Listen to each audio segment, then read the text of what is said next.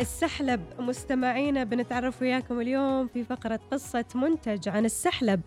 ومن فينا ما شرب أو تناول كوب من السحلب خصوصا في أيام الشتاء. فخلوني أخبركم عن قصة السحلب مستمعينا وكيف جاء لعالمنا.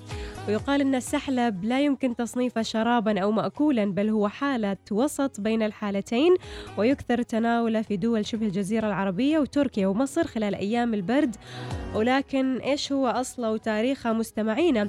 أول شيء خلونا نتعرف وياكم على نبات السحلب. يعتقد البعض أن السحلب مادة حيوانية ولكنه ليس كذلك فهو يستخرج من زهرة الأوركيد. أو كما تعرف باسم نبات السحلب وهي واحدة من أجمل الزهور وأقدمها تاريخيا ويعود أول تاريخ لتلك الزهرة في سنة 700 قبل الميلاد على يد الصينيين اللي قدسوا هذه الوردة. حتى أطلق عليها الفيلسوف الصيني كونفوشيوس لقب زهرة عطر الملوك.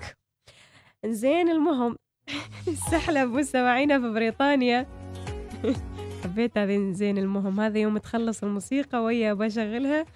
والدردق. السحلب في بريطانيا مستمعينا يقولكم عاصرت زهرة الأوركيد عصور وأزمان عديدة وكان الصينيون أول من استخدموها لاستخراج الفانيلا لصنع البوظة. وفي القرن السبعة عشر حضرها البحارة البريطانيون من جسر البهاما وكان يطلق على هذه الوجبة السالوب وكان مسحوق السحلب يخلط مع الماء ويضاف له مشروب البرتقال أو ماء الورد ويقدم مع الخبز والزبد كوجبة باعثة للطاقة. طيب في إحدى الصحف مستمعينا ذكرت وقالت أن السحلب تركي الأصل. طبعا صحيفة تحرير ديلي نيوز التركية في تقرير سابق لها ذكرت أن أصل السحلب يعود لتركيا حيث يقول آه، منظور القومية التركية أن القبائل التركية مثل القرمان والقبجاق وسلاجقة الروم والقبيلة الذهبية المغولية جلبوا معهم زهرة السحلب من آسيا الوسطى إلى الأناضول ثم إلى البلقان وأطلق عليها اسم بوظة ومع توسع الدولة العثمانية انتشرت البوظة في كافة المناطق اللي سيطروا عليها على أن تناولها خلق إشكالية فقهية. يعني سحلب بس كانوا يطلقوا عليه بوظة.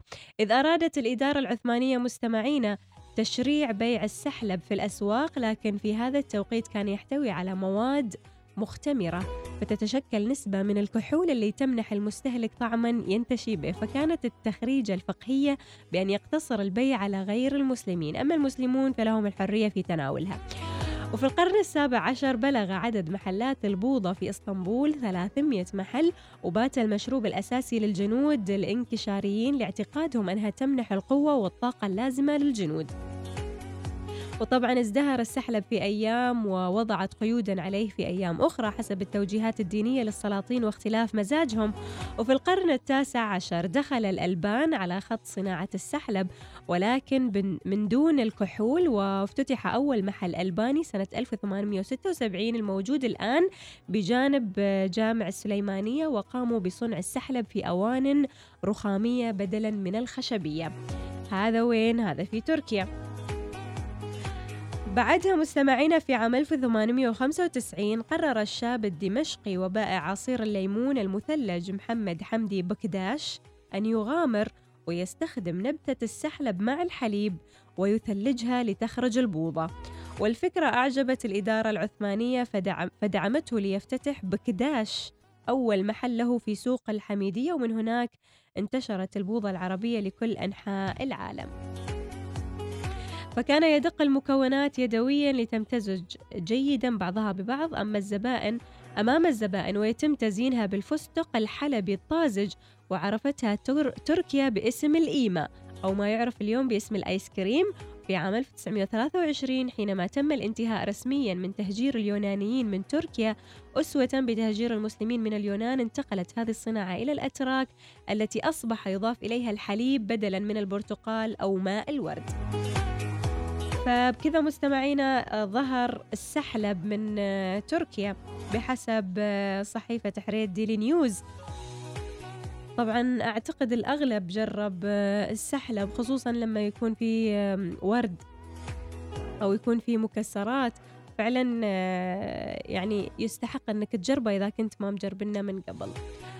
على كل المستمعين هذه عن السحلب في فقرة قصة منتج.